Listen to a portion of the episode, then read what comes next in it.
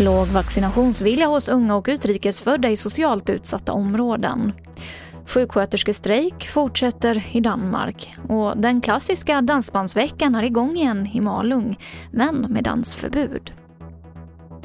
TV4-nyheterna börjar med att viljan att vaccinera sig hos unga och utrikesfödda i socialt utsatta områden är lägre än hos allmänheten i stort. Det här visar en ny undersökning från Novus som SR rapporterar om. Bland annat så är orsaken att förtroendet för myndigheter är lägre och att de eller människor i deras närhet inte är i riskgrupper. Generaldirektören på Folkhälsomyndigheten Johan Karlsson ser det här som en integrationsfråga. Det är svårt för krogarna att hitta personal nu och i Skåne så jagar man personal sedan restriktionerna lättade i början av sommaren, rapporterar SVT om. Och det här beror på att många medarbetare har bytt bransch när jobben försvann under pandemin. På Arbetsförmedlingens hemsida så fanns den 14 juli över 2000 lediga jobb i branschen i hela landet.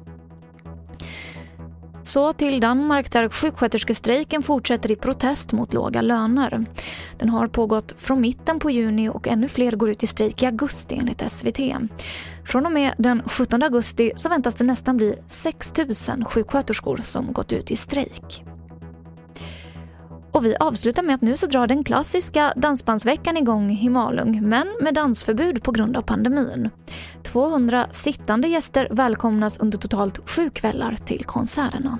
Utan överdrift kan man ju säga att det värsta som har drabbat hela den här dansbandskulturen ända sedan hela den här branschen startade i början på 70-talet har ju varit pandemin. Det finns inget i jämförelse som har varit lika tufft. Annars har dansbandsbranschen varit väldigt bra på att klara sig genom uppgångar och nedgångar och trender i, i samhället. Det sa Thomas Deutgen som är dansbandsexpert. Och det här var det senaste från TV4 Nyheterna. Jag heter Emily Olsson.